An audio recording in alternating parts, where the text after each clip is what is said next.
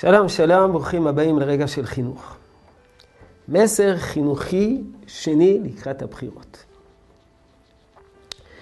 אתה תאמר במפלגה מסוימת, טוב שכך. אתה חסיד של נאמן של נציגי אותה מפלגה, מצוין. אבל אל תגדף את המפלגות האחרות ואת נציגיהן. אינך יודע איזו מפלגה תנצח, ומי ייבחר, ומי עתיד להנהיג את מדינתנו. אולי נציגיך ישבו על ספסל האופוזיציה, ויריביהם הפוליטיים יחזיקו במושכות השלטון. בעל כוחנו נצטרך לתת אמון בהנהגה, בהנהגה של מדינת ישראל.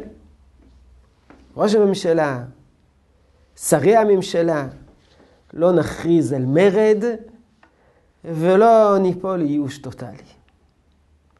אנחנו, כאנשים מבוגרים, מספיק אה, בשלים להבין שלא הכל שחור לבן.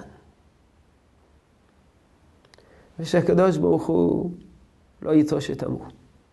ייבחר מי שייבחר. הגאולה התחילה ולא תתבטל.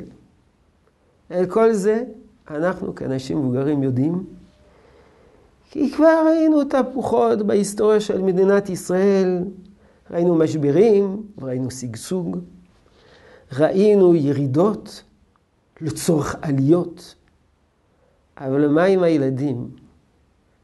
הם שומעים ממך דברי זלזול קשים כלפי יריבים פוליטיים, הם עלולים ליפול לייאוש, טוטאלי. הם שומעים ממך שהם רשעים, שלומיאלים, לא מוצלחים, לא מסוגלים להנהיג את המדינה, אין להם חוט שדרה, הם אנטי ציונים, ועוד כהנה וכהנה תארים.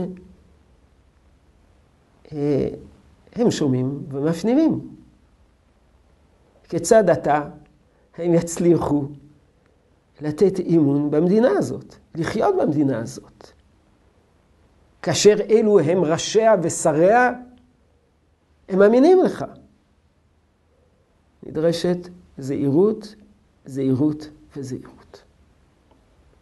ביקורת, כן, ביקורת מאופקת. לא לשלול על הסף. אותם אנשים שאתה שולל על הסף, עשויים או עלולים להיות ראשי המדינה מחר בבוקר. ילדינו אמורים לתת בהם אימון. על כן, זהירות, זהירות, זהירות. יהי רצון שתשרה ברכה בעבודתנו החינוכית. שלום, שלום.